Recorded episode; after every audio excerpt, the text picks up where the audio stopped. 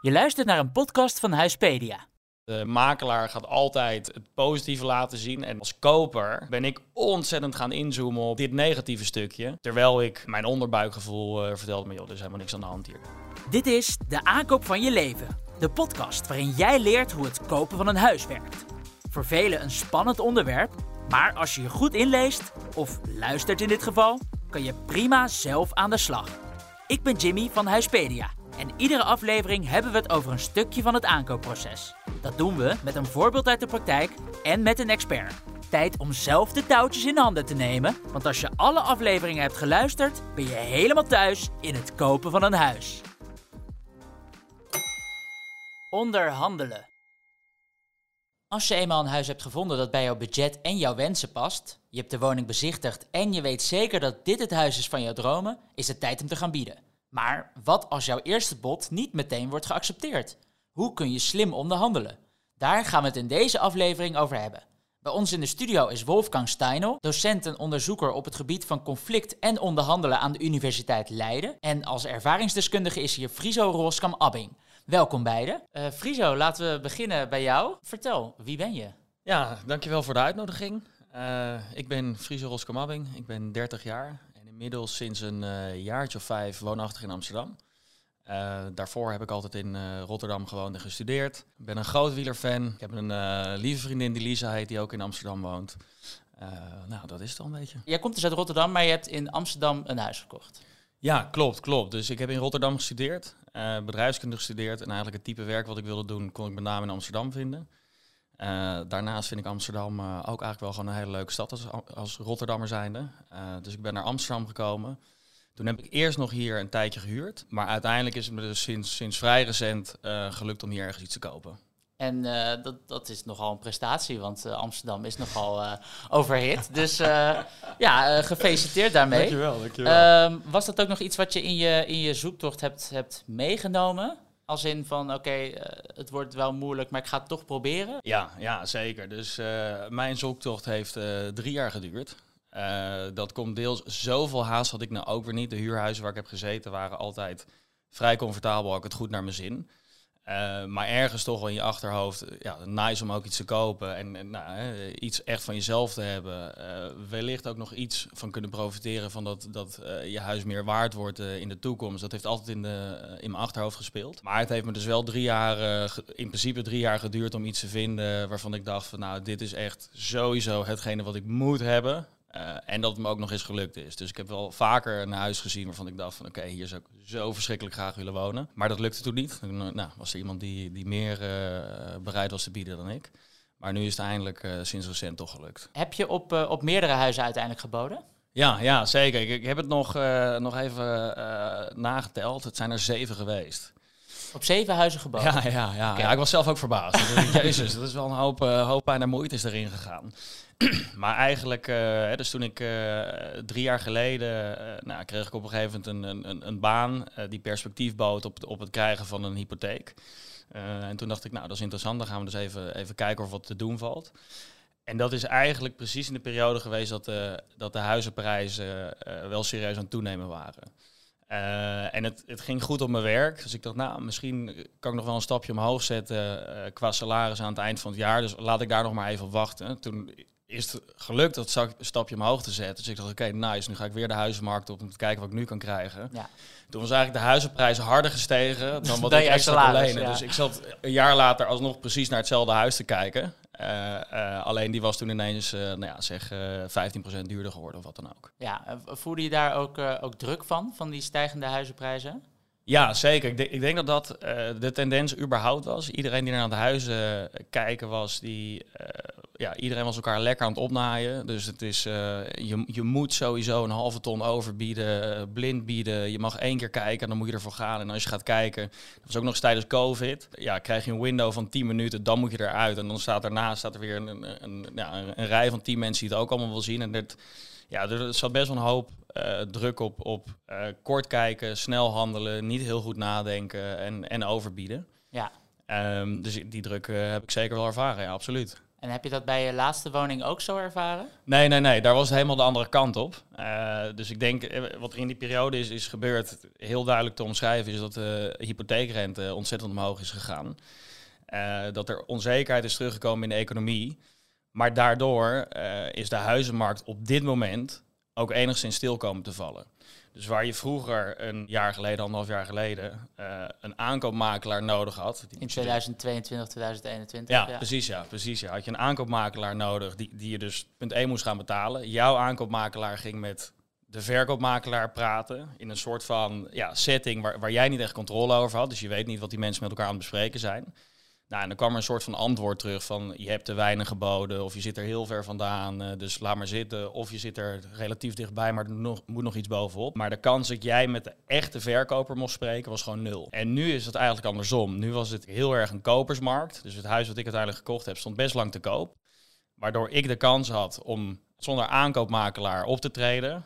Dat ik ook de kans had om tegen de verkoopmakelaar te zeggen, wat er ook gebeurt, met jou ga ik niet onderhandelen, want jij kan dit allemaal tien keer beter dan ik. Dus ja, die valkuil ga ik in ieder geval niet intrappen. Dus als we hier iets gaan doen, dan wil ik direct schakelen met, uh, met, de, met de directe verkoop. En dan zit je dus in, ja, eigenlijk soort van als, als twee normale mensen die niet helemaal doorgehaaid zijn in de Amsterdamse huizenmarkt, zit je met elkaar te praten. En dat is uiteindelijk gunstig, waarschijnlijk, voor de koper. Ja, we gaan zo meteen in op dat, uh, op dat onderhandelingsspel. Uh, nog één stapje terug. Uh, um, ja, je zei, je, je, bent natuurlijk ook afhankelijk van de, van de vraagprijs, maar tegelijkertijd wil je ook weten wat de waarde is. Nou, yep. op Huispedia hebben we de realistische woningwaarde met erop ook of de vraagprijs ten opzichte van de realistische woningwaarde, of dat een redelijke vraagprijs is, of laag in de markt, dus de onder of hoog in de markt.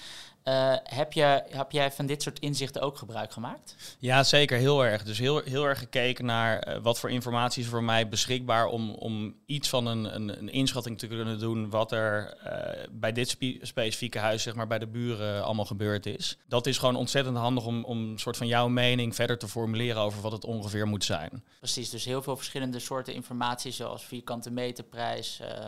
Um, eigenlijk dat, dat meenemen en daarop ook de waarde zelf schatten. Om ja. te bekijken, oké, okay, ja.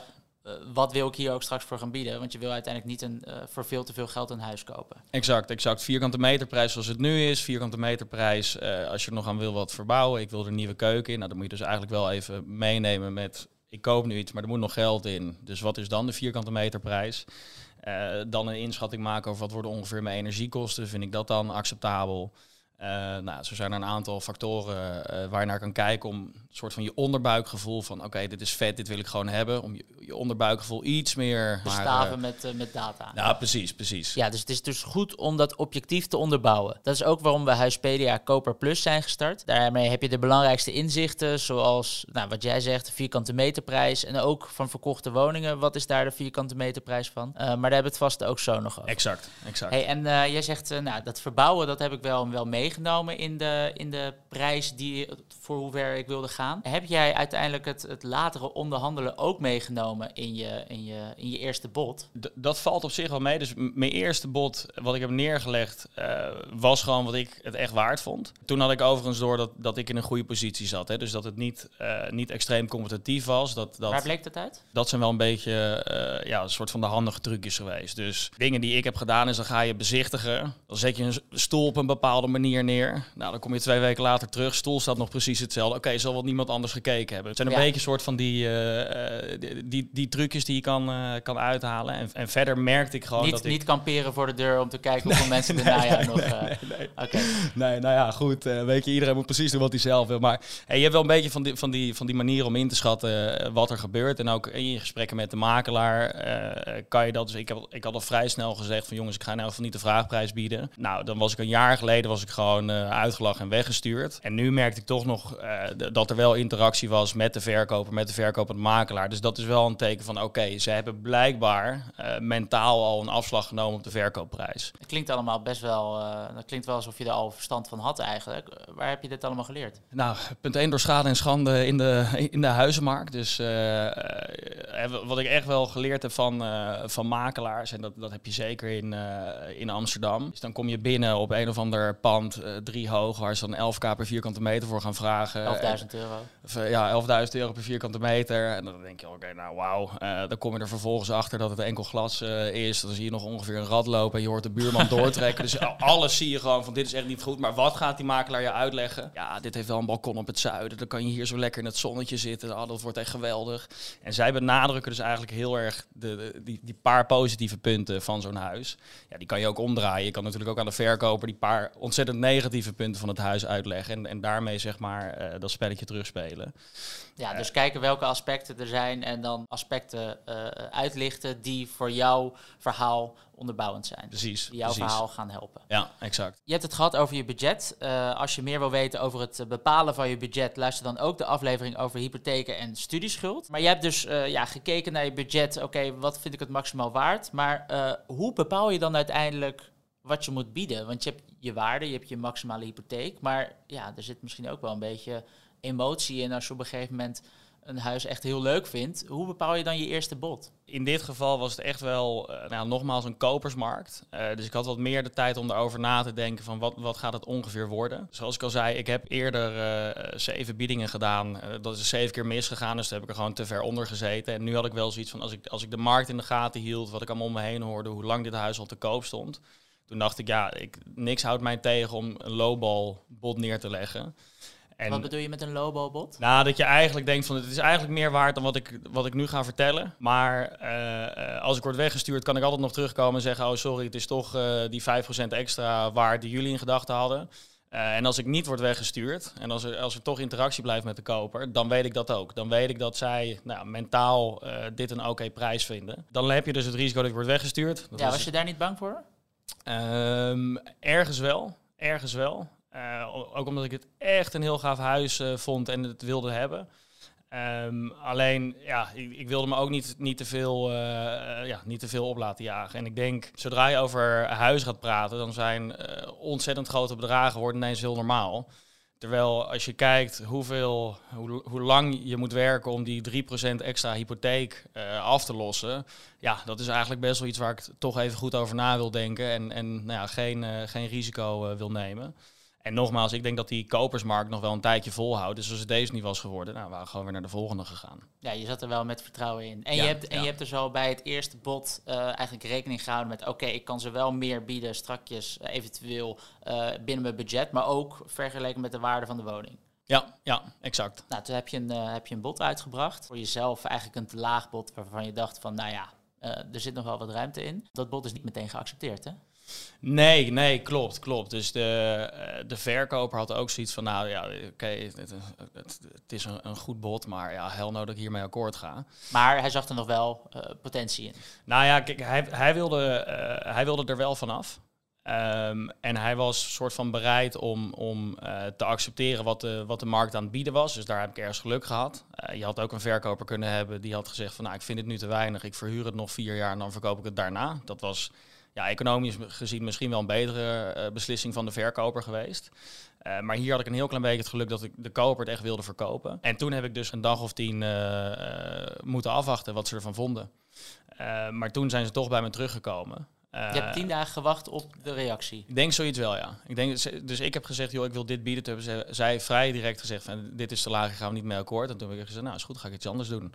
Uh, dus dat is wel een beetje dat, dat, ja, dat, dat spelletje waar je die spanning op zoekt, waar de verkoop waarschijnlijk door de makelaar wordt ingefluisterd van je moet gewoon nu hard to get.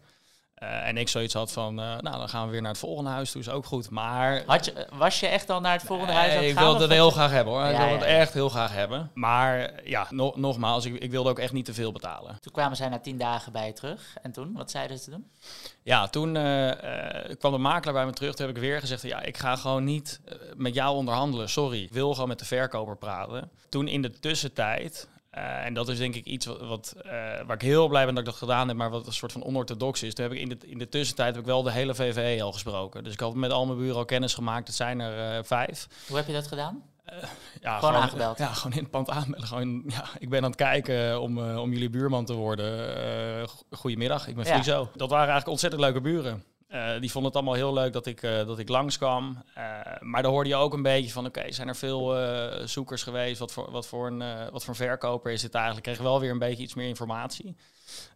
nou, toen kwam ik erachter dat er bij de buren een verbouwing is geweest. Dat er bij de buren een bodemonderzoek is gedaan. toen ben ik naar de buren gegaan om, om inzicht te krijgen in dat bodemonderzoek. En een soort van beter te begrijpen, hoe zit het huis eigenlijk in elkaar?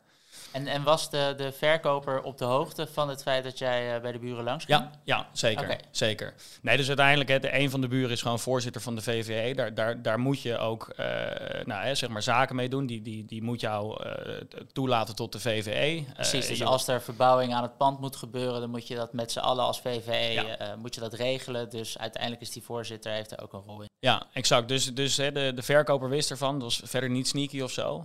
maar toch heb ik ook niet heel, niet heel vaak gehoord bij mensen om me heen dat ze even, voordat ze überhaupt het huis gekocht hebben, even vast kennis maken met de buren. In de verkopersmarkt, hè, zeg maar tot en met uh, eind 2022, was, was er ook gewoon geen tijd voor. Uh, maar nu in de kopersmarkt uh, uh, ja, is, is dat er wel. en, en heb ik daar inderdaad nou, gebruik van gemaakt, zeg maar. En in plaats van bij de koper te vragen van... joh, hoe zijn je buren? Dat je altijd hoort dat het de leukste buren ooit zijn... heb je het nu gewoon zelf, zelf onderzocht. Ja, even zelf ondervonden. En ik had geluk, het waren leuke mensen. Dus daar heb ik geluk aan gehad. Kijk, toen heb je dus meer informatie gekregen. Maar ze gingen nog steeds niet akkoord met jouw bod, toch? Nee, en toen, toen ben ik wel echt naar de. En uit, dat bodemonderzoek uh, is eigenlijk gekomen uh, dat het huis al twintig jaar lang niet, verzakt is. Dus dat is zeer positief. Maar er is ook wel uitgekomen dat bij buurhuizen in, in dezelfde straat. Dat er problematiek aan de fundering is ontstaan. En het bodemonderzoek is een document van 80 pagina's, ontzettend wetenschappelijk opgebouwd. Met deze verzakking hebben we geconstateerd, deze bacteriën hebben we in de grond gevonden. Maar wat er met name in stond, is dat in principe het, huis wat ik gekocht heb, omringd is met uh, uh, huizen die een betonnen fundering hebben. En daardoor ook al twintig jaar niet was, uh, was ingezakt. Dus in feite wordt het huis een beetje gered door de omliggende huizen? Ja, exact. exact. Um, maar dat is natuurlijk wel een, een datapunt wat je kan gebruiken. Van joh, er is wel een bodemonderzoek dat elders in de straat huizen aan het verzakken zijn. Precies, dus je zegt niet dat dit huis gered wordt, maar je zegt joh, er staan meer huizen in deze straat die aan het verzakken zijn. Ja, en ben ik dan uh, uh, een kat in de zak aan het kopen? Is het zo dat ik hier uh, binnenkom en dat er binnen, binnen vijf jaar nieuwe palen onder moeten, a weet ik veel hoeveel duizend euro? En dat is hè, dat, dat stukje wat ik net noemde, dat de makelaar gaat altijd het, het, het positieve laten zien. En ja, als koper uh, ben ik ontzettend gaan inzoomen op, uh, op dit negatieve stukje. Terwijl ik uh, mijn onderbuikgevoel vertelde me, joh, er is helemaal niks aan de hand hier. Dit is allemaal, dit is allemaal prima. Maar wel even, even op van jongens, luister eens even, we hebben toch een beetje een issue hier. Stel, ik koop dit nu voor X, hè, voor de vraagprijs. En ik ben nou ja, over vijf er nog een keer 25% extra kwijt vanwege die palen. Ja, dan heb ik een hele slechte deal gedaan. Dan heb ik een heel groot probleem. Hoe gaan we hiermee om? Uh, nou, en dat laatste stukje waar ik altijd comfort heb gehad van dit is eigenlijk een, non-item, uh, heeft er wel voor gezorgd dat ik nog mijn onderhandelingspositie een keer kon openen met, met de verkoper. en dat, dat het me geluk is om, nou, om nog een stukje risico wat dat betreft bij mezelf weg te halen. Gewoon een trucje wat alle makelaars altijd proberen. Gewoon het enorm zeg maar, aanstippen van de positieve punten. En als koper, als je die kans krijgt, het, het aanstippen van de, van de negatieve punten. En eh, is het dan zo dat je op een gegeven moment zegt, joh, een meet in de middel, we doen allebei de helft erbij? Of hoe is dat proces gegaan? Oké, dat is ook het grappige. Ik, ik, heb nooit, nooit een verkoopprijs genoemd. Ik heb nooit genoemd wat ik het waard vond. Ik heb alleen gezegd, joh, ik zie problematiek, er moet een nieuwe keuken in, dat kost Je hebt wel eerst een bod uitgebracht, toch? Ja, dat, dat wel. Dat wel. En in eerste instantie wel. Toen bij de laatste onderhandeling heb ik nooit een verkoopprijs genoemd. Heb ik gewoon gezegd, joh, ik zie een problematiek in de keuken, die moet gewoon nieuw. Een, een huis van dit kaliber hoort niet zo'n keuken te hebben. Ik neem aan dat jij dat ook snapt. Daar moet gewoon iets nieuws in. Ik heb problematiek ontdekt uh, uh, bij de fundering. Dat gaat in deze bandbreedte kosten. Ja, we hebben wel een probleem. Mijn initiële uh, vraagprijs is denk ik niet de, de, de realistische marktwaarde. En toen heeft eigenlijk de verkoper een, een bedrag genoemd. in de sens van, oké, we, hebben, we, we, hebben een probleem. Ik denk dat er dit nog aan kosten moet. Oh, dus jij wil dat als korting. Nou, dat bedoelde ik eigenlijk helemaal niet. Maar het was wel lekker dat hij de prijs op dat moment op dat, op dat punt had gezet. Wat eigenlijk dus lager was dan wat ik in gedachten had.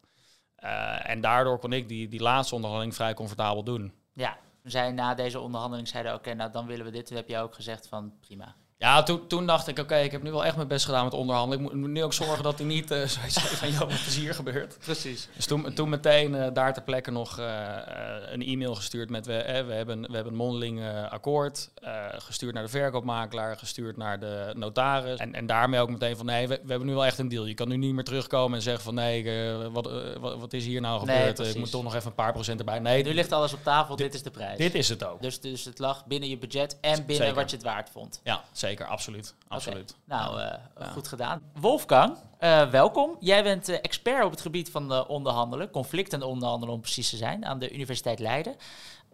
wat doe je precies bij de Universiteit Leiden? Ik geef les in psychologie, sociale en sociale, economische en organisatiepsychologie. Ik geef les in onderhandelen, besluitvorming, ook ethische besluitvorming. En ik doe onderzoek naar onderhandelen, groepsonderhandelen, leiderschap, um, besluitvorming. Dus hoe onderhandelen werkt, uh, daar doet u onderzoek naar en daar ja. maakt u ook experimenten voor. Ja, precies. Dus uh, mijn uh, studenten en ik werken samen om uit te zoeken welke factoren onderhandelingen beïnvloeden en hoe mensen op andere mensen reageren. Dus Interessant. Uh, nou, we gaan het ook hebben over onderhandelen, dus wat dat betreft uh, goed dat u er bent. Als u nu het voorbeeld van, uh, van Friso hoort, heeft hij het dan slim gedaan? Hij heeft heel veel dingen heel goed gedaan. Ik denk uit Friso's verhaal wordt ook duidelijk dat het succes van een onderhandeling met name bepaald wordt door de voorbereiding. En daar heeft Friso het heel goed gedaan. Dus heel veel informatie inwinnen om te weten of hij dat huis ook wil en wat het huis waard is en hoe hij in de onderhandeling zich kan opstellen. Ook heel slim om een, een ambitieuze eerste bod te doen. Dus we weten uit onderhandelingen dat de eerste bieding die gedaan wordt de beste voorspeller is van de uiteindelijke koopprijs. Dus het is altijd goed om, als je genoeg informatie hebt, het eerste bod te doen. Want daarmee bepaal je eigenlijk de prijzenrange waarover gepraat wordt. En als de verkoper gewoon het eerste bod doet, dan zal je eerste reactie vaak al een, uh, een stap op de verkoper toe vanaf het bedrag wat jij in gedachten had zijn. Dus heel verstandig om het eerste bod te doen en dat ook ambitieus te doen. Ja, dus het eerste bod is heel belangrijk. Je zegt ook, nou, inzichten over het object, in dit geval uh, het huis, uh, zijn belangrijk. Maar ja, hoe kom je aan die informatie? Er zijn heel veel websites waar je vergelijkbare huizenprijzen kunt opzoeken. Dan krijg je een heel realistisch beeld over hoe de verkoopprijzen ook in de wijk geweest zijn in de afgelopen tijd.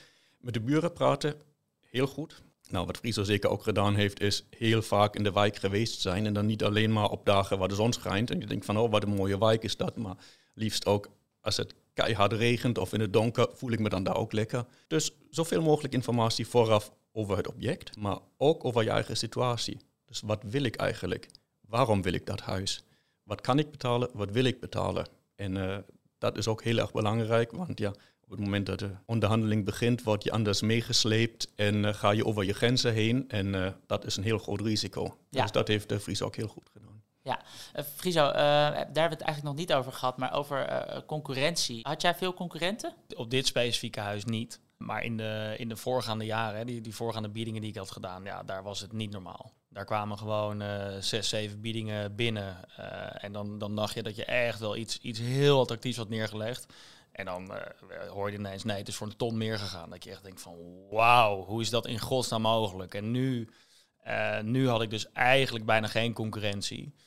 Uh, waardoor ik dat hele spel van niet met de makelaar praten, alleen maar met de verkoper praten, echt je tijd nemen om uit te zoeken wat er met dat huis mogelijk is. Nu de tijd om dat te doen. Dat heeft wel gescheeld en uiteindelijk had ik dus denk ik niet zo heel veel concurrentie, nee. En heb jij het, heb jij het biedlogboek nog aangevraagd? Want je hebt na 1 januari 2023 gekocht, toch? Ja, klopt. Uh, nee, dat heb ik niet aangevraagd. Maar ook omdat meer uh, de prijs is dus uiteindelijk uh, onderhandeld tussen de koper en de verkoper zonder dat er iemand tussen komt. Geen idee wat er anders geboden is, maar dat was voor mij ook niet, ja, niet, niet relevant, zeg maar. Nee, dat bleek ook in, in de aflevering over online bieden en het biedlogboek. Daar hadden we inderdaad hadden we ook iemand te gast die uh, uiteindelijk had gewonnen bij de bieding. En dus daardoor ook zoiets had van, nou ja, ik hoef niet per se te weten wat er verder nog, uh, wat er ja. verder nog geboden is.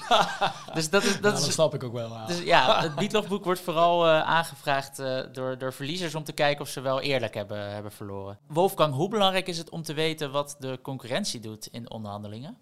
Ik denk nog belangrijker dan te weten wat de concurrentie doet, is om te weten of er concurrentie is. Dus ben ik de enige geïnteresseerde of zijn er meer? Want op het moment dat meer mensen geïnteresseerd zijn, heeft de verkoper alternatieven. En alternatieven zijn macht in onderhandelingen. Dus belangrijker is, zijn er voor dat specifieke huis nog meer mensen die belangstelling hebben? En daar heeft de Vries ook een aantal dingen gedaan om daarachter te komen. Dat is heel slim. Je kunt natuurlijk het ook omdraaien en kijken van, heb ik als koper alternatieven? En dat ook dan de verkoper laten weten. Heeft Friese ook gedaan. Gewoon zeggen, dit is mijn bod. En nou, als jullie er niet op ingaan, dan kijk ik iets anders. Dus de markt kennen om te weten van hoeveel alternatieven heeft de tegenpartij, hoeveel alternatieven heb ik, dat is belangrijk. Nou ja, zoals uh, Friso het zes keer eerder heeft meegemaakt, op het moment dat er concurrenten zijn, zal er vast wel eentje tussen zitten die overbiedt. Dat is dan jammer voor jou, want dan krijg je het huis niet. En het is waarschijnlijk ook jammer voor diegene die overbiedt. Want het ergste wat je kan gebeuren is toch wel dat je eerste bod wordt geaccepteerd zou je denken, ja, super blij. Maar feitelijk krijg je Dan er heel je snel laten spijt. liggen, ja. Precies. Ja. Ja, en ik denk wat ook nog eh, een, een belangrijk aspect is, is dat je met de verkoper, want uit- uit- uiteindelijk zijn het gewoon twee mensen die voor beide partijen een ontzettend belangrijke transactie gaan doen. Hè. Dus voor mij is het waarschijnlijk de grootste uitgave uit mijn leven. En, en voor deze verkoper is het gewoon een onderdeel van zijn pensioen. Er zit een enorme spanning. Je probeert eigenlijk allemaal de beste deal te doen, om, om daar het stukje wel ook op te zoeken eh, waarop je een persoonlijke connectie met de verkoper maakt. Eh, dat hij inzicht krijgt in waarom jij het zo graag wil hebben. Dat jij daar graag met je vriendinnetje ooit een keer samen wil wonen en gelukkig wil wonen zoals hij dat ooit ook heeft gedaan. Jij iets meer begrip krijgt bij, bij zijn persoonlijke situatie. En nou, je gaat nu met pensioen, wat ga je dan doen? Nou, eh, hij vertrok naar Spanje. Oh, Nou, wat vet, waar ga je dan naartoe? Ik denk dat, dat dat stukje, eh, los van dat het een keiharde onderhandeling is, als jij beter wordt, wordt de andere slechter en vice versa, is dat stukje persoonlijk contact denk ik toch ook wel belangrijk om, eh, om, om alles goed te laten verlopen. En, en om zelf eh, nou ja, een, een positieve nasmaak eraan over te houden, zeg maar. Ja, ja want hoe, Wolfgang, hoe, is dat, hoe blijkt het uit onderzoek? Is het nou goed om, eh, om gelijk keihard erin te gaan of is, het, eh, of is het goed om eerst de connectie te maken? Ja, nou wat eh Friso net zei, je hebt gelijk dat het goed is om een band, om een relatie op te bouwen met de verkoper. En eh, we gaan liever om met mensen die we aardig vinden, dus vandaar heb je dat zeker heel goed gedaan. Je vraag was of je meteen vol erin moet gaan. Ja, na al die investering die Friso gedaan heeft in uitzoeken, zou ik zeggen, ja, doe alles daaraan om dat huis ook te kopen. Als je ondertussen ervan overtuigd bent dat dit het goede huis is en dat de situatie goed is. Ja, en zoals je net ook zei, het eerste bod wat je neerlegt, dat is eh, de beste voorspeller. is gewoon heel belangrijk om te weten waar je uiteindelijk op uit gaat komen als je eruit gaat komen. Ja, een eh, belangrijk deel van de voorbereiding is natuurlijk dat je ook bepaalt wat is mijn eh, target, noemen we dat. Dus wat is een prijs die ik zou kunnen bereiken waarmee ik heel blij zou zijn. Daar streef je naar. Tegelijkertijd moet je ook vastleggen van wat is mijn, mijn limiet, wat is mijn bottom line. Dus hoeveel kan ik maximaal betalen? Dat zijn in principe twee verschillende aspecten. Dus eentje is je doel wat je wil bereiken. Als je het net niet haalt, ook niet zo erg. Het andere is een grens waar je echt niet overheen gaat. En dat is een economische beslissing. Wanneer wordt het een deal die een te groot risico wordt of die het echt niet waard is? Dus die twee bedragen moet je in gedachten hebben. En afhankelijk daarvan maak je een eerste bod. Dat heeft Fries ook heel goed gedaan. Die zit natuurlijk onder je target, zodat je nog speelruimte hebt. Om wat stappen op de verkoper toe te maken is natuurlijk een slim om dat te weten. Het is ook goed om van tevoren te weten van oké, hoe maak ik de volgende stap? Dus ik leg een eerste bod neer, die best ambitieus is. Dan hoor ik tien dagen niks. Dan komt iets terug. Nou, Friso heeft verteld dat hij daarna niet meer echt concrete bedragen heeft genoemd. Maar je had natuurlijk ook kunnen zeggen, oké, ze komen met een tegenbod. Hoeveel duizend euro ga ik dan een stap maken richting de tegenpartij? Precies, de vraag die ik net stelde, eh, zeg je dan we meeten in de middel of eh, eh, wat, is, wat is de beste manier om dat te bepalen? Is daar een beste manier voor? Het is moeilijk zo te zeggen. Maar toen ik mijn huis kocht, gingen we wel in heel veel stappen op elkaar toe.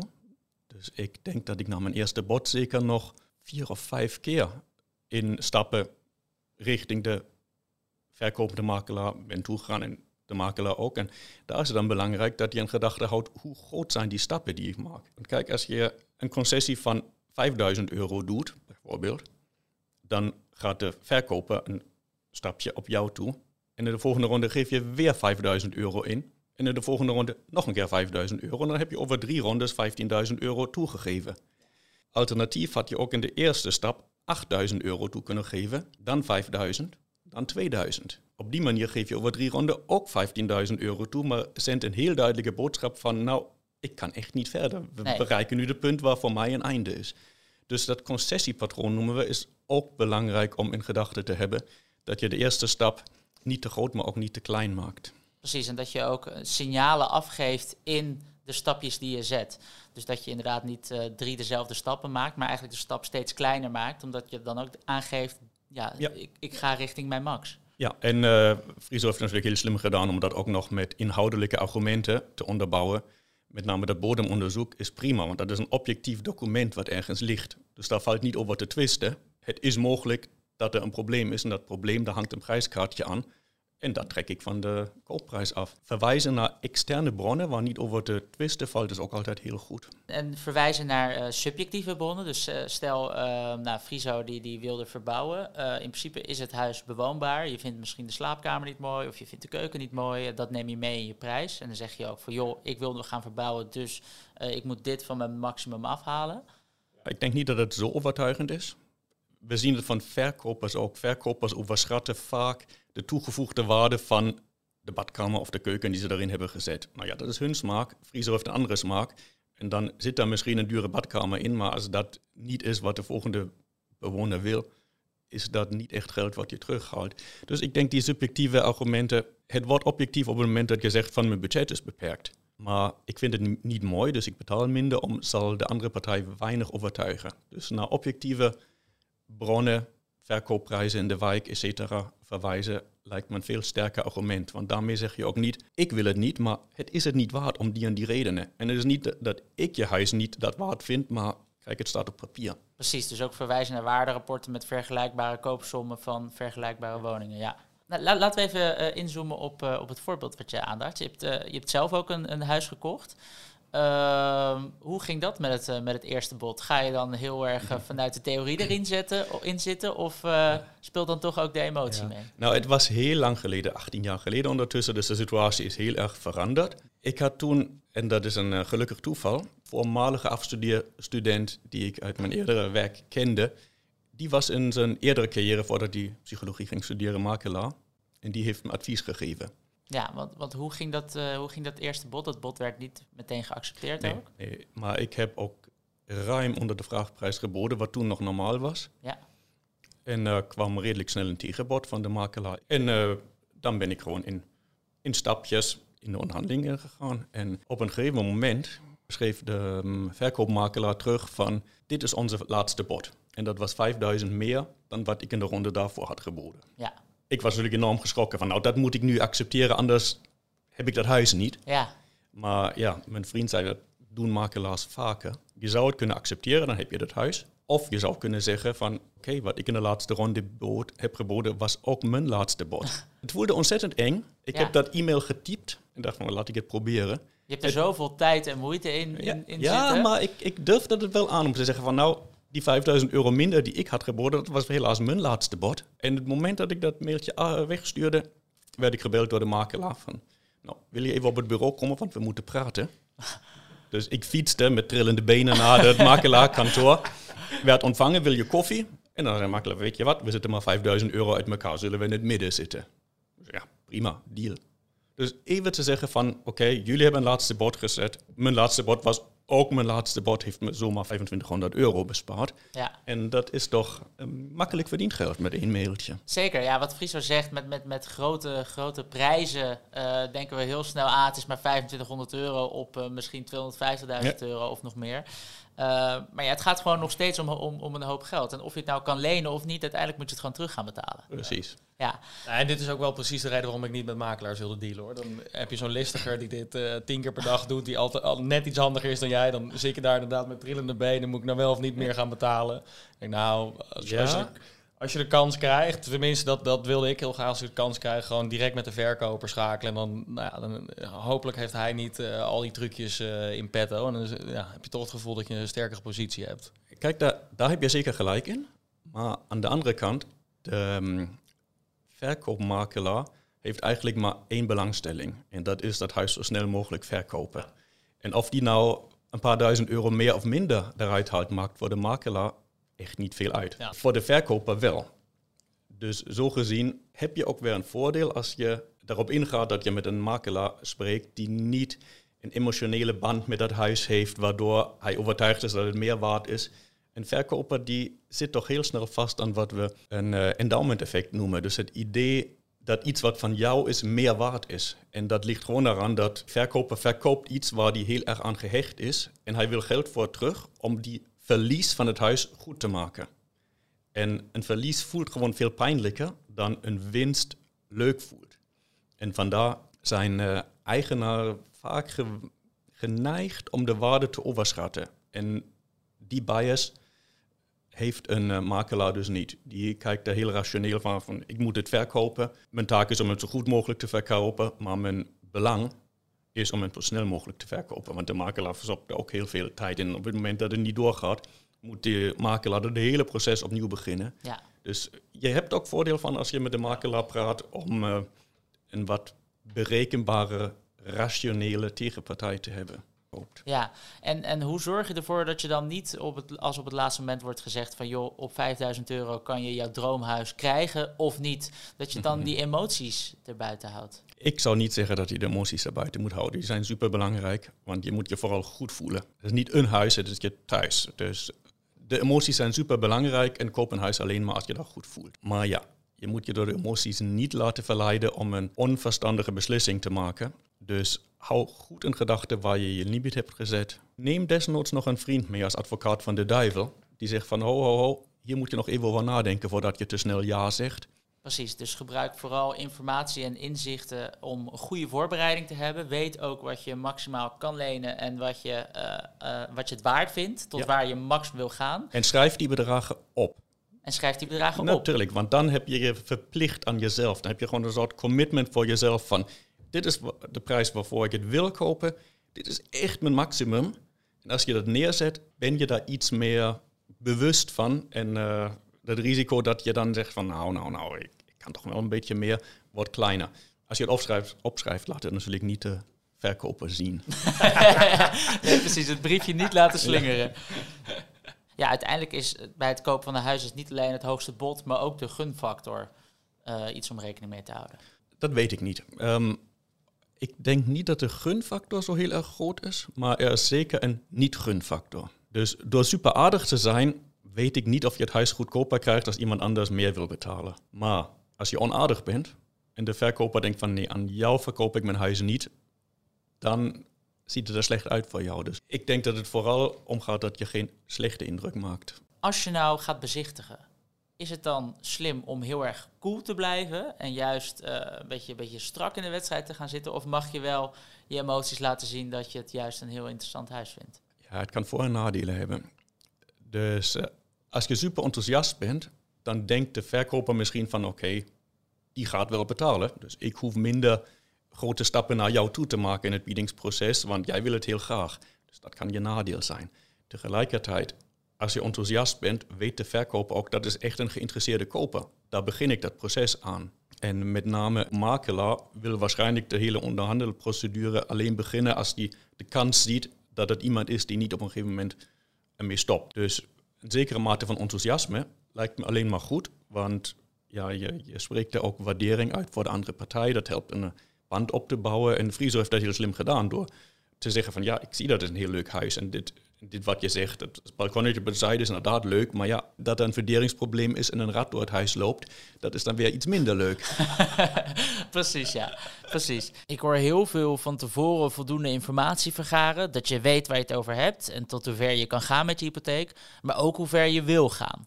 Uh, daar kan je allerlei objectieve bronnen, zoals Huispedia Koper Plus, voor raadplegen om te kijken wat is een redelijke vraagprijs, is de prijs stiekem aangepast en wat zou een realistisch bod dan zijn. Ja, je moet dus laten zien dat je serieus bent, maar je moet er ook voor zorgen dat je met het uitbrengen van het eerste bod uh, nog wat onderhandelingsruimte hebt. Want het eerste bod is de beste bepaler voor waar je uiteindelijk uitkomt. Zorg ook dat je stappen neemt in de onderhandelingen, dat daar een signaal in zit, dat de stappen steeds kleiner worden, want daarmee laat je zien, dit is mijn max, ik kom bij mijn dus ik kan niet heel veel verder gaan. En wees slim, ga door de wijk lopen, spreek met buren, zodat je weet hoe het voelt om daar te wonen. Tot slot, Wolfgang, heb jij nog een tip voor de luisteraars? Ja, ja, zeker. Dus probeer je ook te verplaatsen in wat de verkoper belangrijk vindt. En dat hoeft niet per se alleen maar zoveel mogelijk geld te zijn. Want iemand die een huis verkoopt, koopt waarschijnlijk een ander huis. En Daarom zou het voor hem of haar heel belangrijk kunnen zijn om de overdracht op een bepaald moment te hebben. Om niet al die meubels ergens te moeten stallen of gewoon dat ongemak te hebben. Als koper vooral van je eerste huis zit je vaak in de luxe positie dat tijd niet zoveel uitmaakt. Dus Friso vertelde dat hij in zijn huurhuis goed zat. Nou ja, dan maakt het niet zoveel uit of die overdracht nou een paar maanden eerder of later is. En dat wat voor jou niet veel uitmaakt, kan voor de verkoper van heel grote waarde zijn. Dus als je met de verkoper direct praat, kun je natuurlijk ook zeggen, weet je wat, wat vind je nou fijner? Bedrag X en een overdracht op moment Z of bedrag X plus 10.000 euro en een overdracht drie maanden later. En de kans is best groot dat je door het bijtrekken van andere aspecten een win-win overeenkomst bereikt. Een overdrachtstermijn is één ding, overname van meubels die erin zitten. Je kunt aan heel veel dingen denken.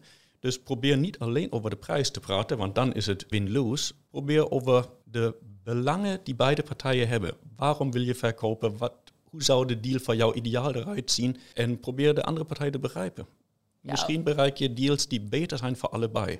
Mooie tip. Uh, Friso, heb jij nog een uh, tip voor onze luisteraars? Uh, ja, in mijn geval is het toch wel geduld geweest. Zorg er gewoon voor dat je iets koopt waar je, waar je echt heel blij mee bent. En, en wees realistisch in dat dat, ja, in mijn geval 36 maanden. Ik, ik, wens elke luisteraar dat dat korter duurt dan bij mij.